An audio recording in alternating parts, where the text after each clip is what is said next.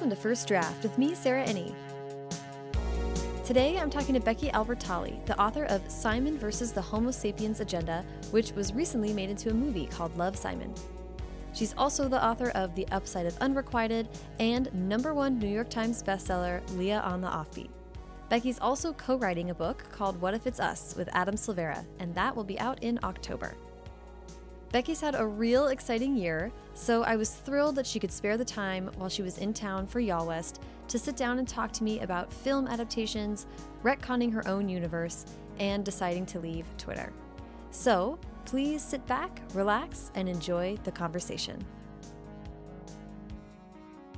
So, Becky, I like to start these uh, interviews back at the very beginning, which is where were you born and raised? I uh, was born and raised just outside Atlanta, Georgia. So the basically the suburb of Atlanta where Simon versus the Homo sapiens agenda and Leah on the Offbeat are mm-hmm. set. I changed the name, but that's my hometown. I'd love to hear about how reading and writing was a part of growing up for you. I was always a reader, and I think I was reading like pretty early, like when I was 3 mm. or so. That's real early, yeah. Uh, yeah, but I had this thing when I was in elementary school and like younger where I didn't like reading about people, only animals. You know, and I, and I was always writing stories, even as a kid. Yeah. My dad's a lawyer, and I don't remember like what the circumstances were of like when I would be allowed to go visit his office and play on the coffee machine all day. Amazing. But like every once in a while, that was a thing that happened, and so I'd write books and just like photocopy what I wrote to really feel like I was publishing. Yeah. And um, yeah, the books were problematic.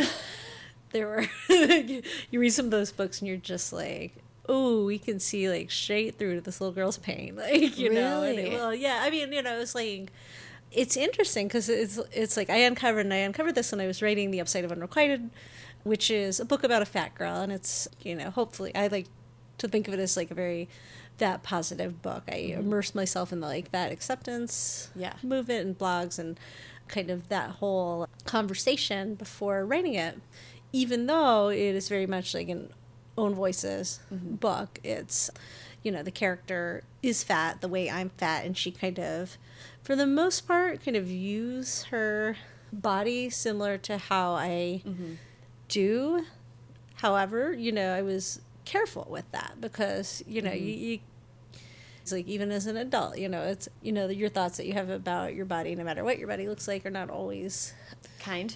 Yeah, and they, and they don't know, they don't always kind of fit the narrative that you want to communicate, and yeah. so I don't know. So you have this like very you have this fat positive book hopefully, you know, in which yeah. I was very, very intentional about the representation. Mm-hmm. Then I dig up this photocopy thing that I made when I was like a little kid in elementary school, and it's called Daffy Duck Was Fat and it's about Daffy Duck being fat and going to Exercise Island Whoa. and getting thin and having kind of the cultural rewards like reaped upon him and it is like and it just just like as an author when i think about representation and stuff like that said so much to me about it was you know very clearly drawn directly from my experiences mm-hmm. daffy duck was fat was an own voices book but right. like you know there's there's so much uh, complexity when it comes to writing even about your own experience and mm-hmm. so much that you have to i guess so much internal work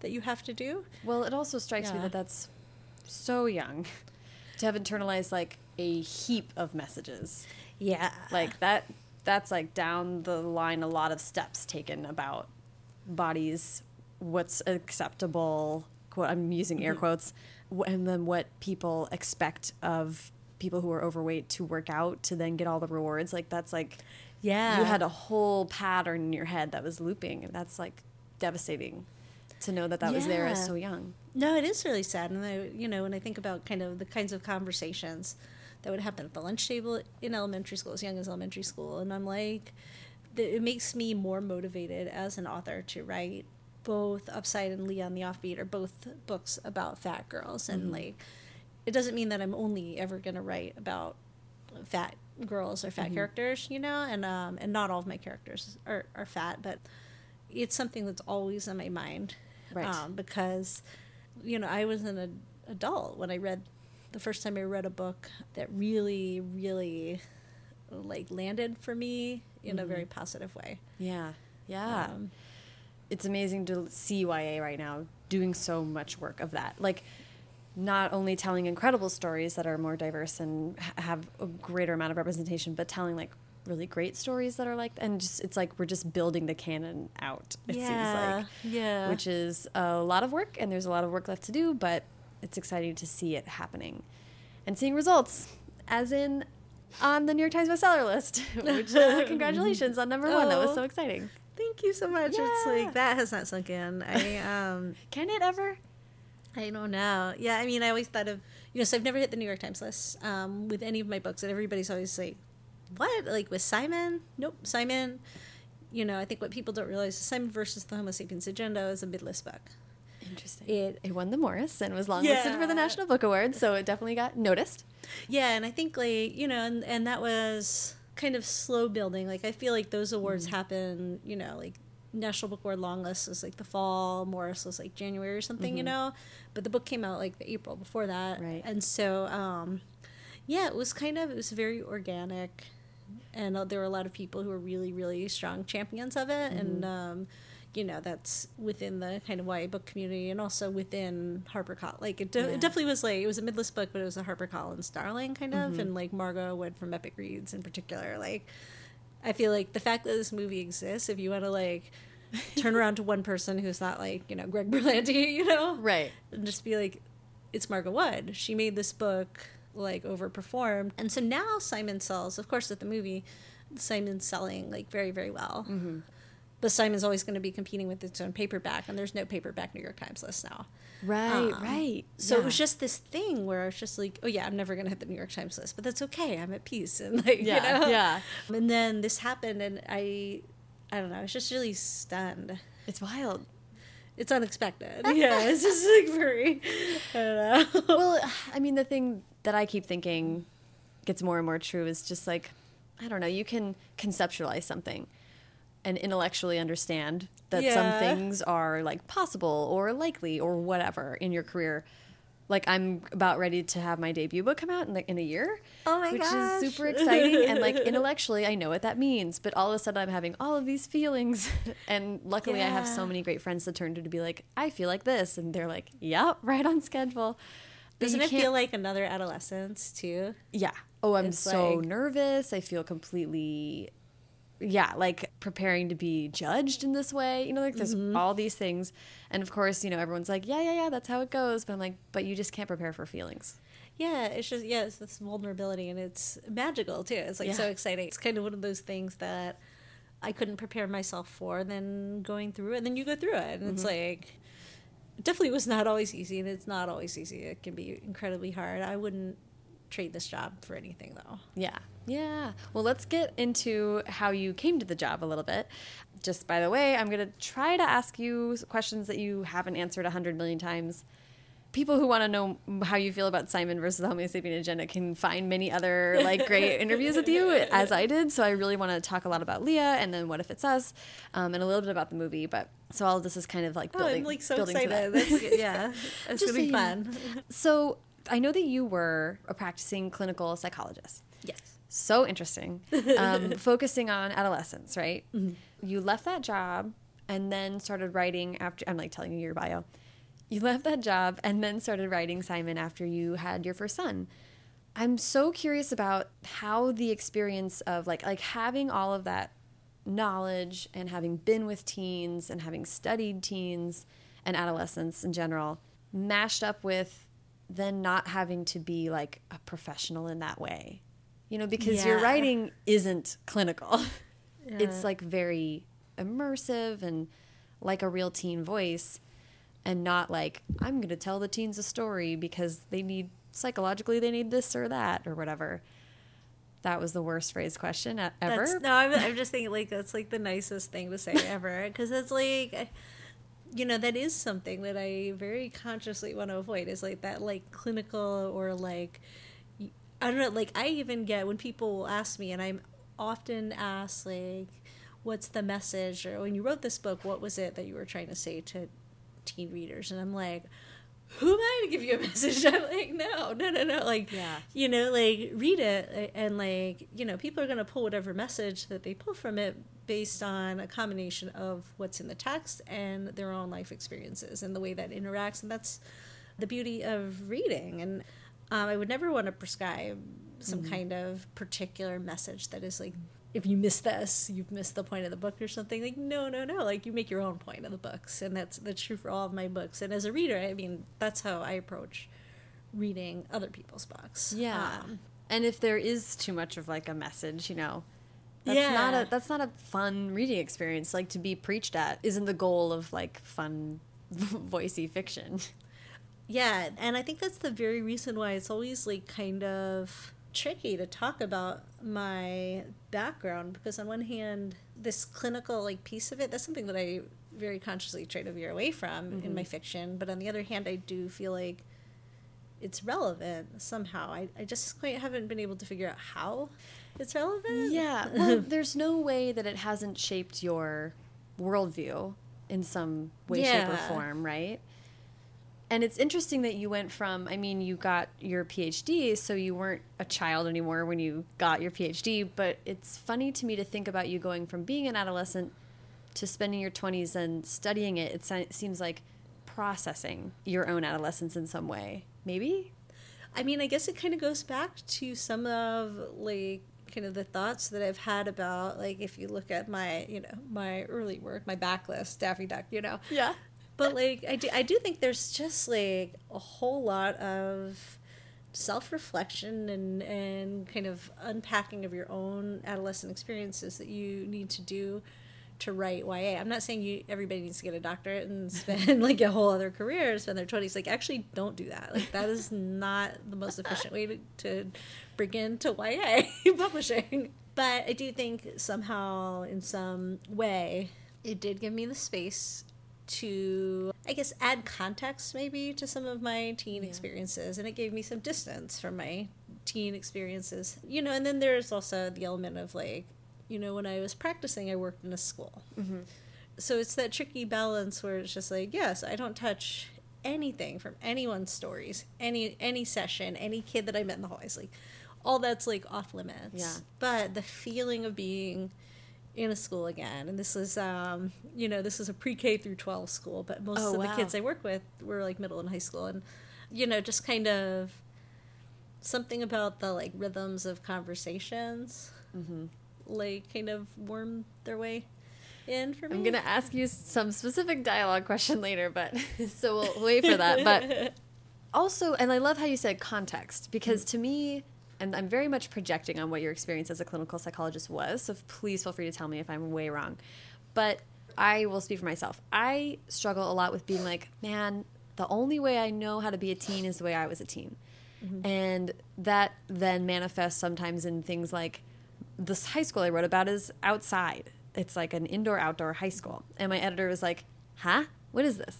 What are you talking about? They can't feel the breeze. They're in the hallway. And I was like, well, it's a breezeway. And I was like, oh, I forgot that I have to explain that this is different than what, and we didn't have lockers or whatever. And I was like, but that's the only thing I know.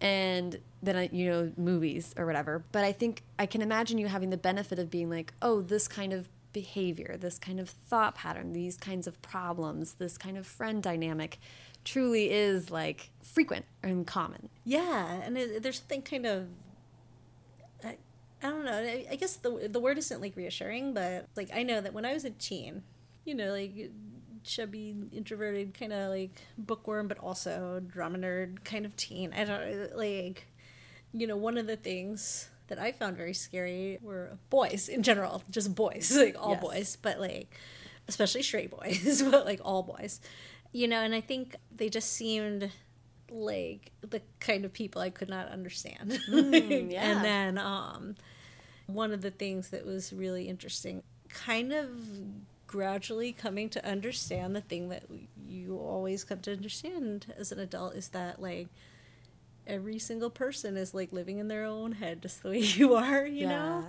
And uh, they're not just this nebulous group of like intimidating boys. Like each one of those boys is like their own person. They're all different from each other. And they have their own narrative happening you know, and then you know take that and apply that to like all kinds of things like Right. adults, you know. Right. Right. So Yeah, that's so interesting. But I think it shows in your fiction the dynamic between friend groups, especially like there's not a small cast, you know, there's quite a few characters in your books and I feel like they all interplay in ways that feels that read so real, which is lovely and like not always easy to do. so I was like, "Oh, I can tell this is a person who's been around kids while not being a kid herself." You know what I mean? Thank you. That kind of separation of like being a grown up and then being able to say like I can relate to this, but also like the writer brain who's always like taking the details down and bringing them yeah. home. There are some YA authors who are themselves teenagers and I find that amazing. Like it's so it's so cool and you know, it's the kind of thing that some teens are able to do and I wouldn't have been. Yeah. Just me personally, you know, Becky, like when I was in it, wouldn't have been able to write about it. Mm-hmm. Not not with the distance and the context that I, I would have needed. Yeah, yeah. Time, time, time before processing. Some people process in the moment. Yeah. Those people are superhumans. It's so cool. Yeah, it's Yeah. it's amazing to see. And I just I have a lot of admiration, kind of like awe for teen authors like yeah, that. seriously. So let's talk about Simon versus the Homo sapien agenda. I wrote Simon versus the Homo sapien agenda versus Love Simon. um, because I'm actually, I would love to have you, um, just for the readers who aren't familiar, give a little pitch for that story. And then I'd love to talk a little bit about that story and then seeing it adapted and how that process was for you. Um, so, first, uh, give us the pitch. Simon versus the Homo sapiens agenda is I like to describe it as a story about two boys falling in love over email. And so basically it's about a boy named Simon who lives in a version of my hometown. And um, you know, he has kind of an anonymous pen pal relationship with uh, another boy from his school. And so they know they go to the same school, but they don't know each other's like actual real life identities you know, and that is a really safe space for both of them that unfortunately becomes less safe when a classmate kind of discovers this secret email correspondence and like gets into Simon's Gmail. Mm-hmm. You know, so this guy Martin has kind of his own goals that he feels that Simon can help him with. Um, so he blackmails Simon and uses the information that he gets from the emails and holds that over Simon's head. Okay, I was just and and one of the reasons why I'm bringing it up in this way is that I listened to an interview with you where you were talking about the movie not showing Simon, or I, I was reading an interview with you, the movie not showing Simon writing email all the time. And this quote that you gave, which I thought was so interesting, was I've learned from that. I tried to be a little more creative even as I write future books. So I'm so interested in that process, at seeing your work adapted and seeing other people sort of take a crack at the story that's still yours, but sort of bringing their own tricks to it. What was that like? It was so cool. Like I loved it. Like and, and I know and I and I totally get it. Like there are definitely some authors who are a little bit nervous about the idea of a film adaptation because it's just I mean it's not for everyone because you know I I think it can be a little bit scary to have somebody come in and their interpretation of your work is going to become the mainstream interpretation of Yeah. your work, which is an interesting thing to sit with but it was so cool to be a part of. And and so the script was written by um, Isaac Aptaker and Elizabeth Berger do uh, This Is Us. And they're amazing. I love love them. They're just I just think they're so smart and funny and they just like they they had a way of like capturing what I feel like they perfectly captured the spirit of the book but they weren't trying to make it a shorthand. They like made it its own thing, which is what I I think is the right approach for a movie adaptation. And one of the things that stood out to me from the beginning, like all all along, like after the book was published and as some of my friends were getting film options and stuff, I was like I was like, I don't even have to worry about that. It's not even an option for me because it's this book is half told in emails. Like it's an Right. epistolary book.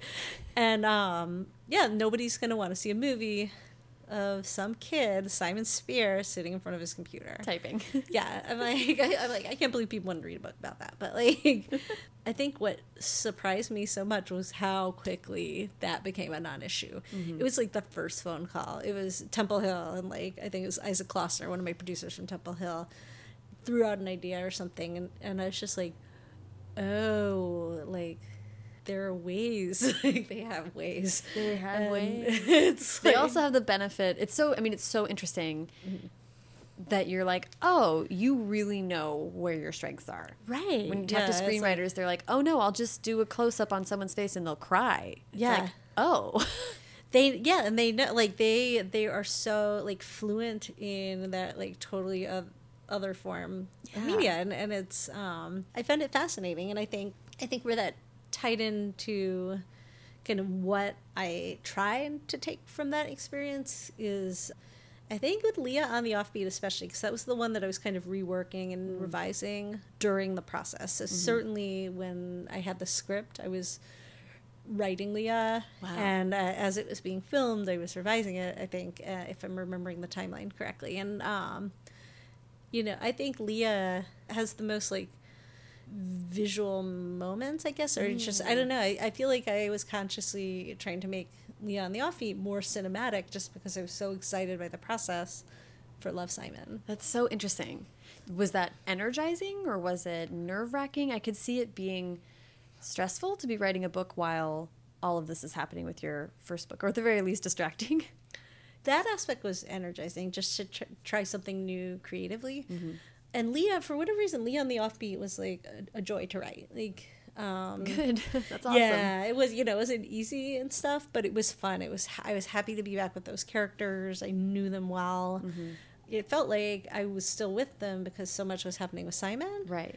so just that whole part felt very um, fun and organic. I, I will say, like writing the upside of Unrequited was like absolutely hell, and some of that was because as I was writing Upside, Simon was kind of starting to gain momentum. People were talking about it, and people like negative feedback on Simon was really paralyzing when I was writing Upside. Um, but like positive feedback on Simon was also kind of paralyzing Really? in a different way. Interesting. Like I remember I was sitting there writing, you know, draft one of my seven full different drafts of the Upside of Unrequited, and you know I'd be sitting there being like, I don't know, this is feeling too much like a love triangle, and this blogger hates love triangles, and I'm like, what am I doing? I am not writing for the audience of this blogger or whatever. like I know there's many of you bloggers if you're listening who hate love triangles, and I um, it's I think valid and legitimate to like take that into account as as an author, you know. Yeah. Um, so I'm not going to beat myself up for kind of having that impulse, Right. But that is not a way that I could like find a healthy creative space. For yeah, the I was gonna of say, not, Like, not to the point of paralysis. Yeah, Like yeah, that's not good. yeah. Yeah, that's so. I mean, second book syndrome Right. is It's real, the right? worst, yeah. And it kind of sounds like like that. But I'm, I am intrigued by the fact that you then decided to return to the world of Simon, which was, as you say, like building and sort of in the background and never truly going away. Would did it feel like this huge relief to go from unrequited to back to that world? A little bit. I mean, Unrequited, like the kind of the way it turned out, ended up being kind of partially the same world mm. because it's a companion and it's not as closely tied as Simon and Leah are. Right. But you know, the main character of the Upside of Unrequited is Abby Suso's cousin. Right. So it didn't feel, you know, it in some ways felt like a pretty natural next step. I think kind of the way it played out was because Simon versus was a two book deal, mm-hmm. and I had to sort of begin to pitch that second book before Simon was ever a thing. Right. I didn't think I'd have the opportunity to write a sequel. Right. It was something I'd kind of like the idea of maybe revisiting, and it was always going to be Leah if it was anybody. Okay. Because I like to write people getting together. Leah didn't have a love interest at the end of Simon. It's like, yeah, I don't want to write about people who are already in a relationship because that is fundamentally unrelatable to teen me. Like, I was not in a relationship. Mm-hmm. I can get in a lot of people's heads, but I cannot get into the head of a girl who already has a significant other. That's so interesting. That's so interesting. Yeah. You know, there's a lot about being in a relationship. Yeah, that's really interesting. Well, I think, you know, it's kind of this like meta narrative thing where you have kind of the relationships within the book playing out kind of differently. You know, and it's not like strictly on gender lines Right. uh, in any way, but you know there is a way that I think as an author, like I maybe am compelled to like write some of these relationships between girls or among girls, but there's also like when you think about reader reactions and stuff, it's like if Molly or Leah screws up in some way, which they do, because I tend to write messy kids. It's that like unlikable female character thing, and and you know it's it's like she's so frustrating. She's not doing like what I feel like she should be doing, and it, it's something I've seen so much with like other people's books, especially like I don't see it as much with mine because I'm avoiding. Yeah, I was say, actively not looking. Good. avoiding it, but um. No one should have to look at oh, any of that. girls in YA cannot catch a break. Cannot like. It's very and like Yeah. to me it reeks of like wish fulfillment. Like Yeah. I didn't have it together when I was a kid, but this girl in a book should know or like to me it just like is this externalizing of the critique that we're sort of and I'm speaking sort of like I guess generally as women we're definitely taught to critique ourselves and to feel like we messed up, we could have done this better. It's like so much of replaying stuff in our head and then to look at a Yeah. character and to accept that they are screwing up royally would be to accept that when you screw up royally and that's difficult. Yeah. So I think there's a lot of like when people get mad at certain books like that, I'm like you need to ask yourself why it's making you so uncomfortable. Yeah, and I think there's so much value in like if you're able to ask yourself that, and I've had that moment too, where certain choices that characters make in certain books, like sometimes they'll give me like a visceral reaction. I'll just be like, no, like mm-hmm. don't, you know, and it, it's just like every time I pause to unpack that, it is always productive and so interesting and just, you know, I always learn something about myself and like you know there's Yeah. there's some kind of reason that we mm-hmm. react that way and it's based on almost always based on kind of some of our own personal experiences Totally. Yeah. As most things are. Yeah, I feel like like- whenever I respond to something with total rage, I'm like, "Oh no, I'm wrong. Some I'm wrong about some part of this." And that's why I'm like, "Ah." or not even like not even necessarily that you're wrong but it's just like what is this about Yeah. you know Like there's something here that's just like there's something for me in Mm-hmm. this yeah And that's like the role of books, right? To lead us to examine the self and our relationships. Even though these are about fictional people, they can lead to really internal stuff. Um, so before we talk too much more about Leah, I'm going to ask you to, to pitch that as well. Give us the lowdown on Leah. Yeah, so Leah on the Offbeat is the sequel to Simon versus the Homo sapiens agenda, but it's from the point of view of his friend Leah. It's about like about a year and a half after the events of Simon. So my characters are all in their senior year of high school, like kind of second semester, and they are kind of moving towards graduation and this big goodbye and Yeah. um, all these like high school milestones, like prom. And um, prom's a big one.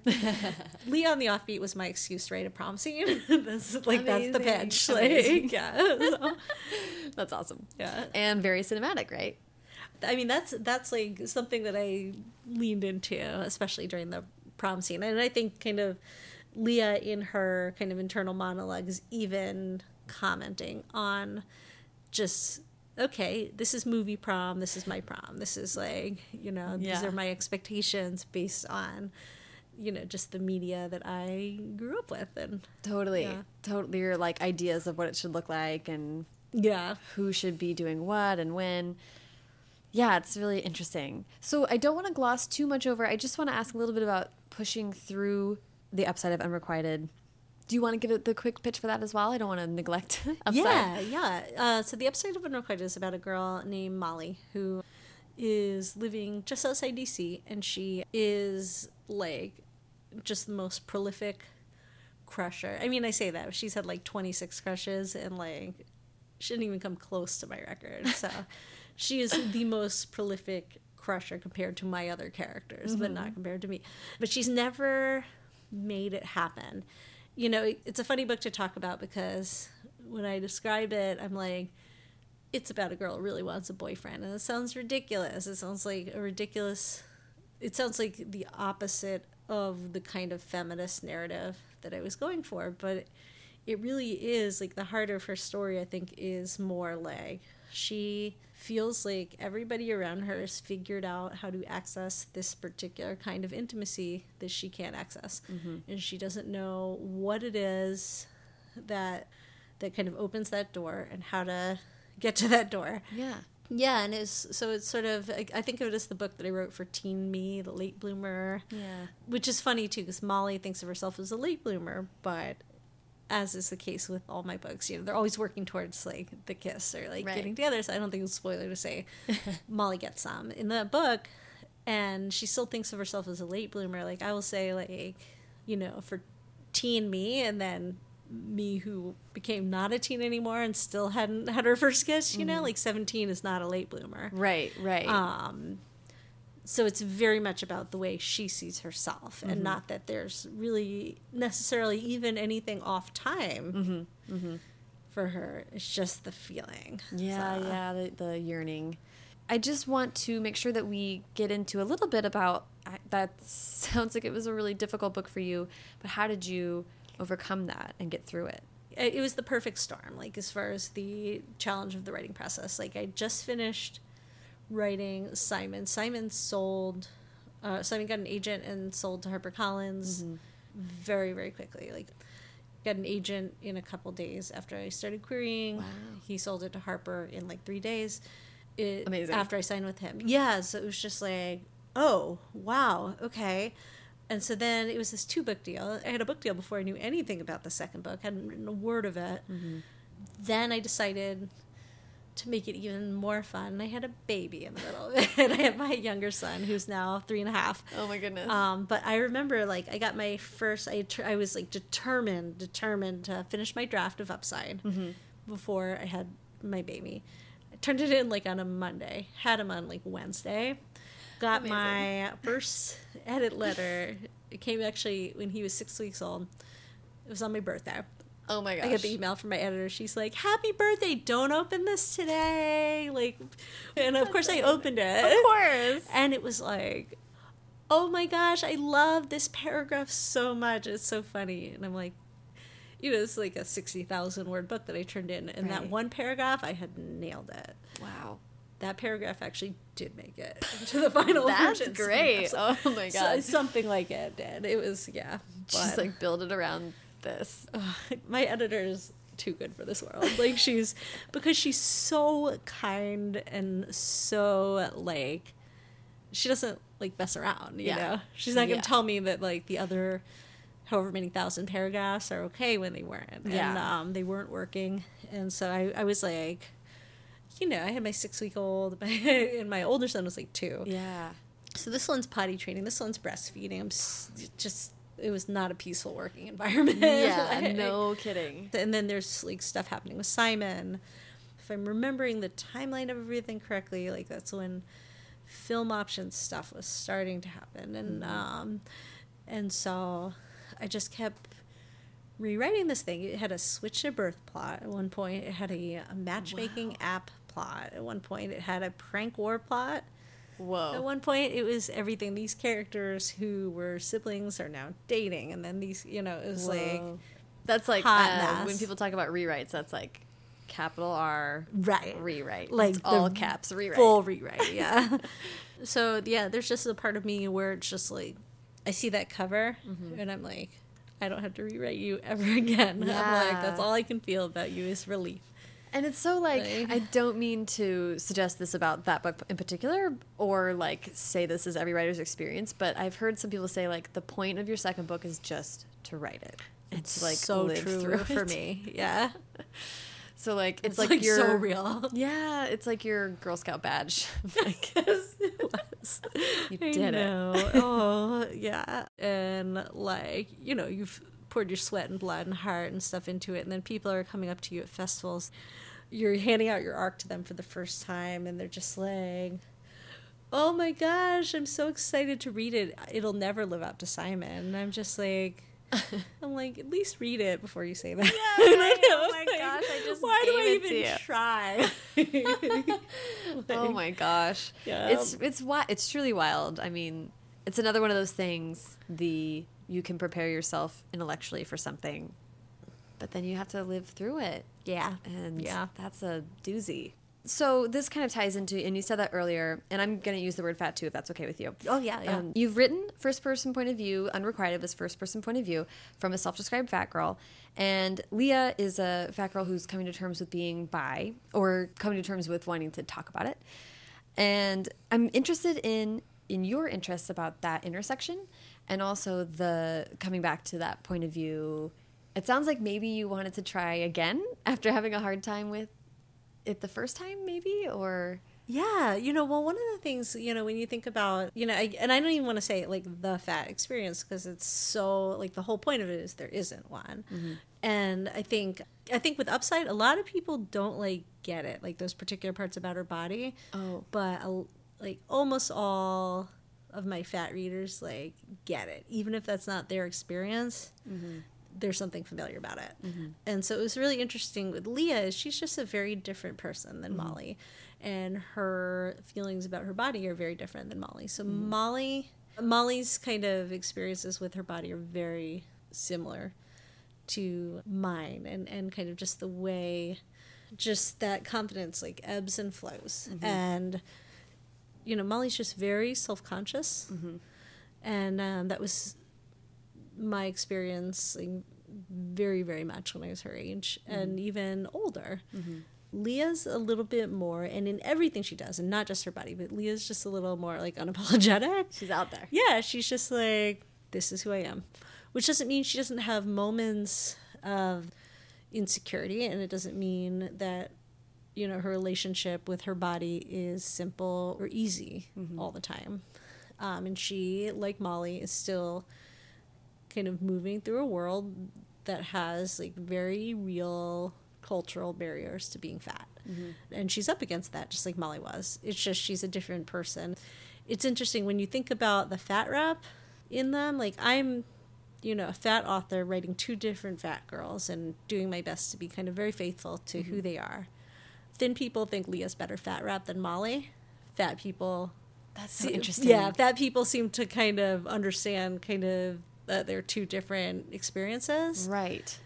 You know, it's so funny to hear you talk about Leah that way because you've said that Leah was the was the point of view that's like most different from yours, mm-hmm. which I think is so interesting. And you sort of used Hogwarts houses to describe that. Can you explain like what you meant and then talk about what was it like to get in her headspace? Yeah, yeah, it's it's one of those funny things where, you know, for years, for three plus years, people have been asking me like, "What was it like to write about a character? It was so different from you." And they're mm-hmm. talking about Simon, Right.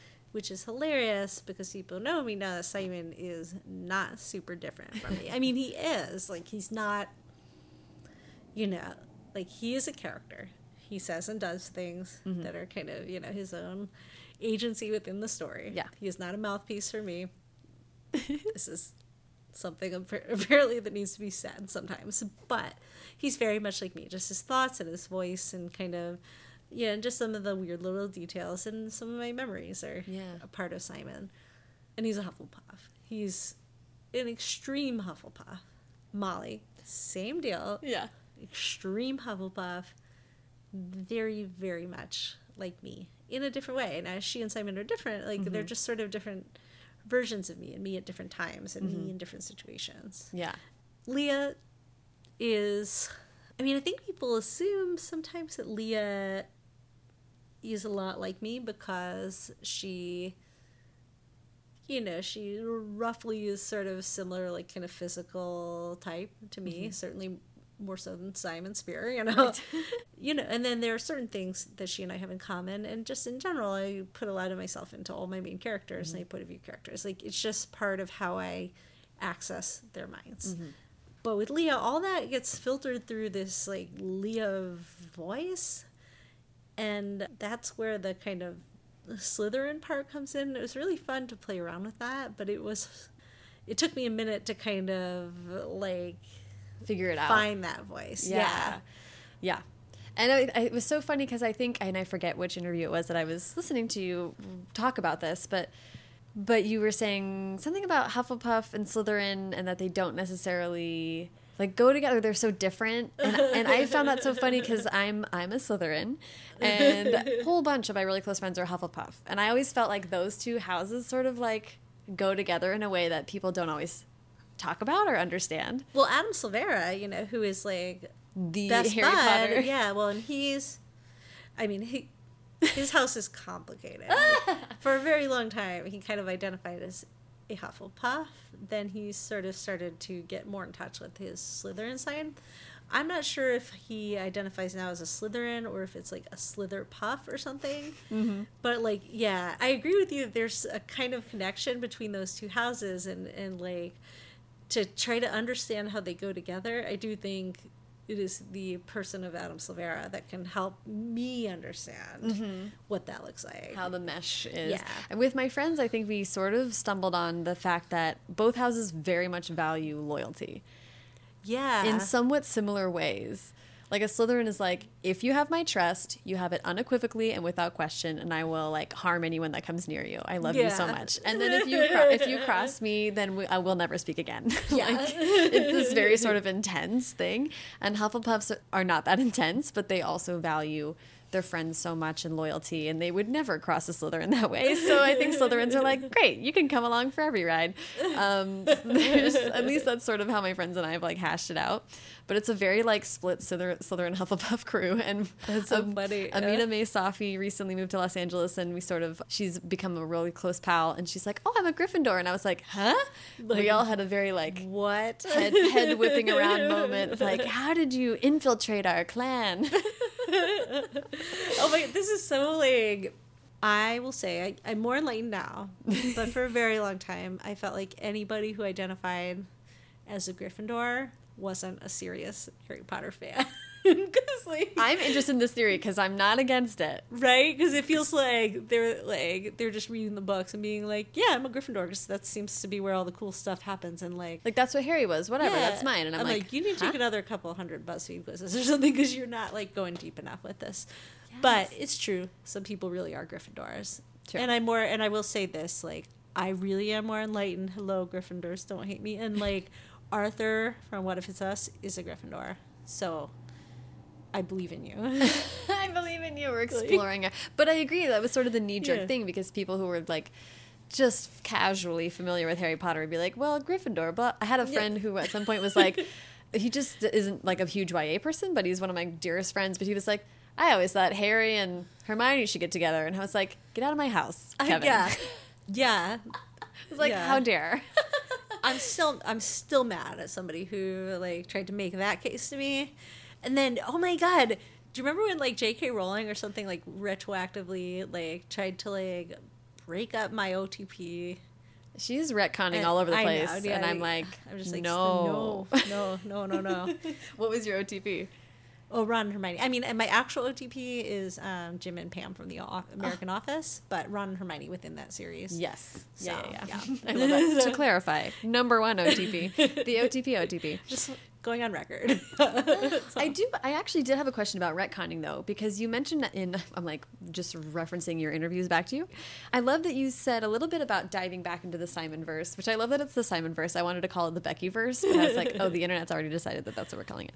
You said that diving back into Leah was also the opportunity to retcon or to give different perspective to some of the things that Simon did and said. I kind of loved that you got like the cheat code to get in there and like add your own spin to it.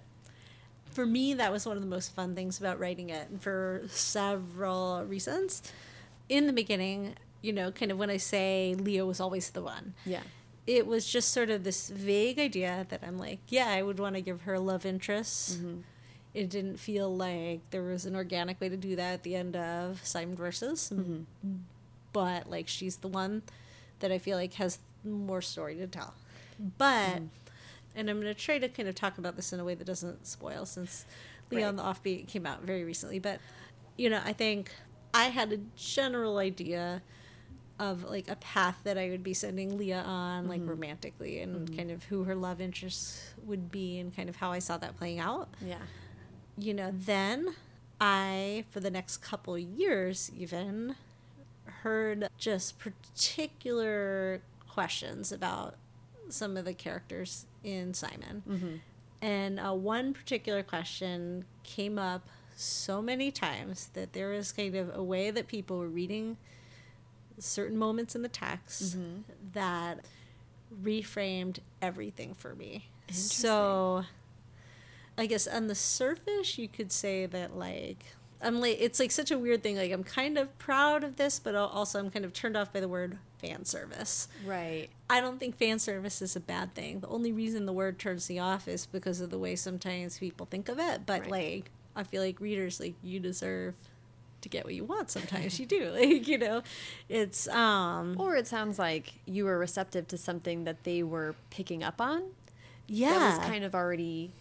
I feel like you know, kind of the way people think of fan service is like, okay, this is what they want. Let me give it to them, and it's like it wasn't like that at all. So we're talking about a couple of years. Mm-hmm. It shifted the way I saw the relationships happening, kind of in my own story. Because Simon Spier is such a clueless narrator, he's a very unreliable narrator, and, and I had so much space to play around Yeah. and that that was really fun because you know there were actually a lot of possibilities a lot of things that could have been happening behind the scene without him noticing because he notices nothing. And so this is where when i say like i'm just like simon spier i'm like not like that because i'm not that clueless. Like like this boy like no self-awareness. So a lot of what i got to do with leah on the offbeat was to just put a spotlight on some of the things that were happening right under Simon's nose. yeah. If I had any kind of goal for Leah on the offbeat, it it would be to um, have my readers start to read it and kind of be like, wait a minute, is she going there? Like, she she's going there. like, she's like, this is happening. Amazing. Like, and um, I don't know. It's just it was really fun to write because it just it almost felt in some ways like a collaboration with this like group of this community of readers that I never thought I'd I'd be able to have like a community of readers. That's like really a dream come true for me. Like you know, who write fan fiction and do art and have group chats and talk about this stuff in these this like, little world that I created. And I'm such a like fangirl myself mm-hmm. about things that it's just like this to me that's like the biggest deal. The story kind of got to be like new again in some ways for you, Yeah. right? It did. It got to be new, and I just I felt like it was something.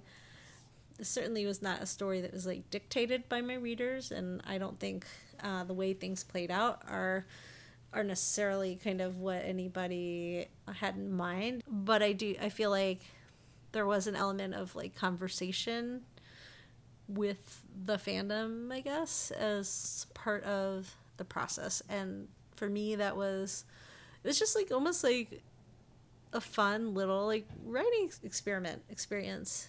Both? It was a really fun writing experience. So fun that I made a new word to describe it.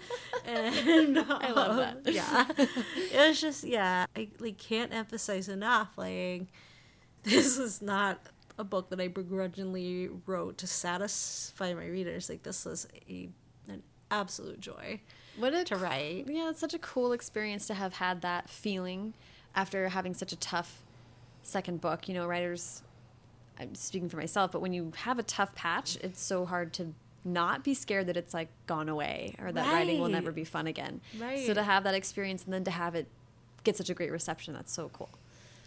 yeah, it's one of those things where, I mean, I will say Leah was such a joy to write. Mm-hmm. Nothing's as fun as like writing What If It's Us. That was so much fun, but that was different. That was a Okay. different type of project. Yeah. Let me let's Yeah. let's get there. I'm gonna ta- do one more question about Leah, and then Oh, I want to yeah. ask about about that. I mean, it seems to me like you are very like emotionally attached to these characters.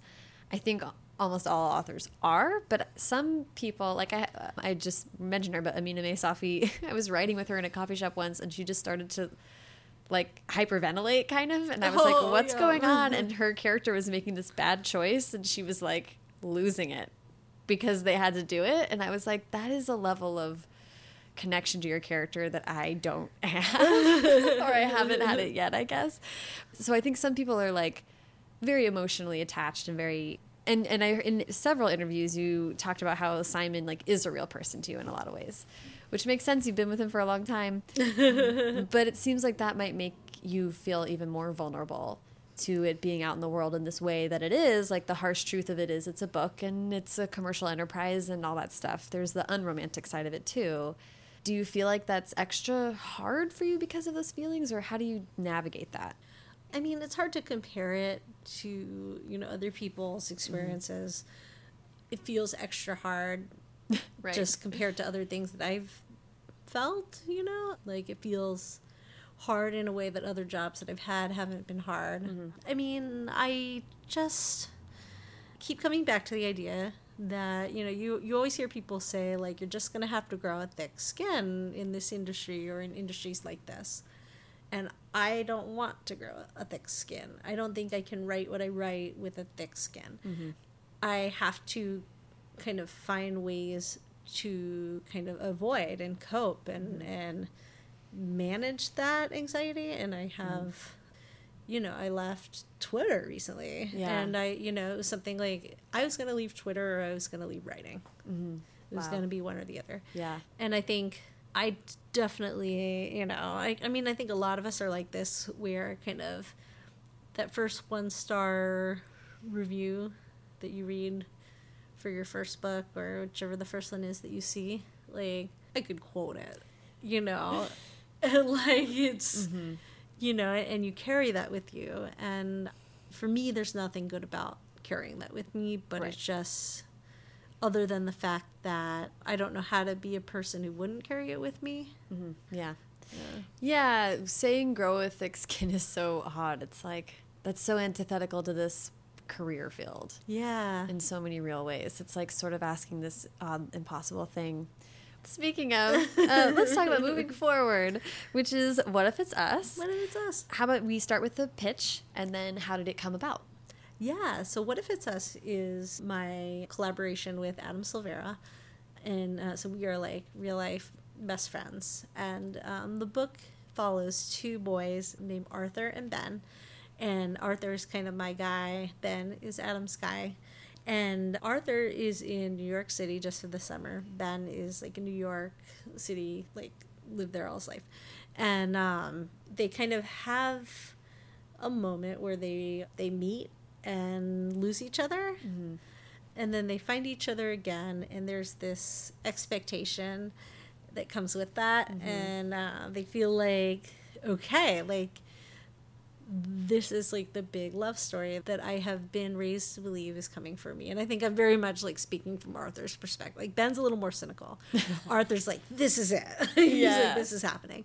And, um, you know, a lot of the book is kind of like unpacking that and kind of, you know, holding up uh, the reality of what it's like to get into a relationship with somebody who you don't really know yet. And, you know, just how that looks when it's held up next to your expectations especially when those expectations you know are shaped by cultural forces that don't always look like reality Yeah, when they're So- Julia Roberts movies. right uh, exactly or whatever, and you're like, Yeah. oh no, this is like the. w- I think I've felt myself do that in re some relationships where it's like, the meet cute was so cute, yeah so this must be it. Like this is the grand, this is the story yeah but it's not how it works. I love when I love when some couples are like.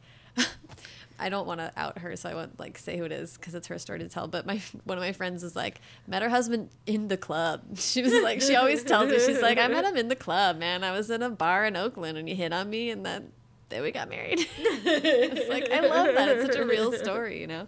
You're just doing your laundry or whatever. Like it doesn't have to be this sweeping thing, you know. Anyway, um, how did so? How did you guys decide to write a story together? we it's funny we like decided to write this book together before we ever met Really? um in person like so we um are agent siblings we have the same agent brooks sherman and um we signed with him around the same time he sold our books within a week of each other and those books that he sold were simon versus and adam's debut more happy than not. And so both were kind of young adult books about a gay main character. And you know we ended up we were debuting in the same year. And so kind of around the time when our books either were on submission or sold i think maybe right after they sold we had like an email chain back and forth, and uh, we ended up reading each other's like early manuscripts of the books and it was like on christmas so it was like very emotional. I'm jewish but it was still very emotional. And um and it's just yeah we just you know really fell for each other's work. And just in the course of this like friendship that happened over email i feel like that's very on brand for me but I was gonna um, say this feels so right. and, um, you know, we were talking about something that happened to me in my 20s where I had been at like a coffee shop or something and I like, you know, I'm Molly Peskin-Suso for my second book. And so I, I had a crush on some guy who was cute at a coffee shop who I didn't talk to. Mm-hmm. But probably we made accidental eye contact like once and I was like, it's happening. like, all I remember about him was he had the like thick frame glasses, you know. That plus the coffee shop, obviously It's a cute mix. yeah, it, it was absolutely meant to be. So um, I went on Craigslist and I put a misconnection for him. Really? It did not help me find him, although I did. My roommate actually around that time actually did. She found a guy, or there was a misconnection that a guy had put out looking for her. Really? Which she found because her roommate checked misconnections. like, Oh, and I hey. was like, Helena, that sounds like you. But, uh, and she was like, that is me. Um, Did they date? they went out, I think, once or twice. Okay. But it was him. That's but it didn't work out. But like, yeah, I did get some emails back, which is how you end up with our deal announcement in Publishers Weekly, probably being the only deal announcement in Publishers Weekly ever to have the phrase "penis as thick as a Coke can." Because that's the kind of email that I got in response to my misconnection. Oh my god. that that was the reality to like kind of put up against my expectations. So Mm-hmm. Adam, who from that story was just like, we should write a book about like a why YA misconnections book, and in in what I kind of now understand is kind of our like style together. We just kind of like built upon that with each other, and you can find these very early emails from 2014 before we ever met in person, where we're like, okay, Arthur, Ben you know and Yeah. we had these characters named and mapped out and a lot of it like stuck it's wild how much of it stuck craigslist is in there but its role was like scaled back so it all started with craigslist Mm-hmm. but it's not like a craigslist book yeah, yeah, yeah. yeah That's so funny. so, it, so it sounds like it was really natural, like this really organic process. it was you know so much of this book kind of keeps coming back to this idea of like the universe and the universe and fate. But i think kind of the way it kept playing out in the story was that you know the universe keeps getting reframed. Mm-hmm. So it's like a thing will happen and my character will frame it as one thing and his character will frame it as another thing. Or Interesting. like for example like in chapter one they meet and then there's a flash mob wedding proposal and my character's like it's fate it's a sign and adam's character's like well that flash mob broke us up that's that's a sign like you know so Right, right. oh, um, funny. yeah so like you know so i think there's kind of that idea and one of the very earliest like universe moments that we had in the process is i think i said something about like expectations versus reality which is like kind of what it kept coming back to for me and then adam like shows me he has a tattoo of expectations versus reality Oh my god. yeah like That's wild. yeah so So you're like, it's meant to be. It's I know it's like it's yeah. Both of us were like it's meant to be like we That's both great. yeah. I think we both had to like really feel that to like propel us forward years later into writing this. Like we wrote this book last year Yeah. and it never left us. That's amazing. Yeah, That's so cool. um, I have one million more questions about that, but we do have to kind of wind down. We can pick this up at a later date. But um, but I wanted to make sure we got that in there because that's exciting coming up. When is the release day actually for that? October 9th. Okay, So, great. Yeah. So I do like to end with advice. So I would love to just hear what uh, advice you have for new writers or what advice you have for people who are a little bit farther along in their career. you know, okay, so the advice that I keep coming back to, and I, I feel like it's different advice maybe than I would have given a couple years ago, but okay, writing wise, in my opinion, the most important thing you can do is actually pursue a doctorate in clinical psychology. No, don't, don't like seriously. Do not do not do that. Uh, no, but it's um, no, it's such a good callback.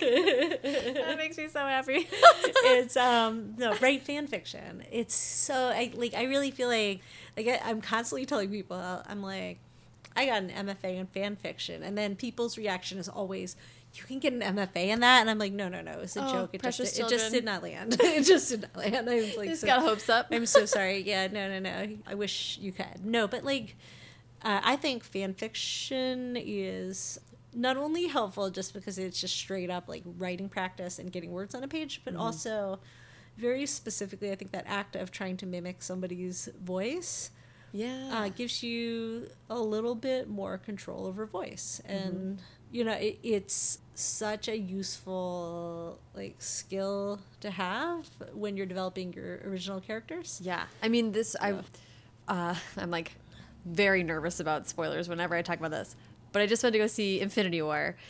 Not gonna spoil anything, but it was one of those fun things where I was like, "Wow, this is such a cool thing to look at." Like all these characters we've gotten to know through all these movies, and now one person. I mean, we know there's more than one, but they're tasked with bringing all these different voices into the same storyline, and you can tell some it's more successful than others, and it's like imagining writing for Tony Stark and Chris Pratt, whatever his character's name is, in the same scene. You're like, oh my gosh, that's just so different yeah and really impressive that whenever they pull it off. yeah it, i mean it, it's a, i think a really hard thing to do well like Yeah. it's it's not a hard thing to do but it's a really hard thing to do well Mm-hmm. But the good thing about fan fiction is like pressure's off. Mm-hmm. like make up a fake name. You don't have to have this like on your permanent record. Like give yourself permission to like play around and push the boundaries and try different tenses and like mess it up and like Mm-hmm. Yeah. be so out of character and uh, do that on purpose but then try being really in character. And it's just i know there's so many things you can do. And then the other thing too this is more of a like publishing thing is is definitely about finding and connecting with your community of people. And that's not necessarily all going to be fellow writers. Like there are a lot of people who kind of are in different roles in the book community who you'll find are like very much like kindred spirits.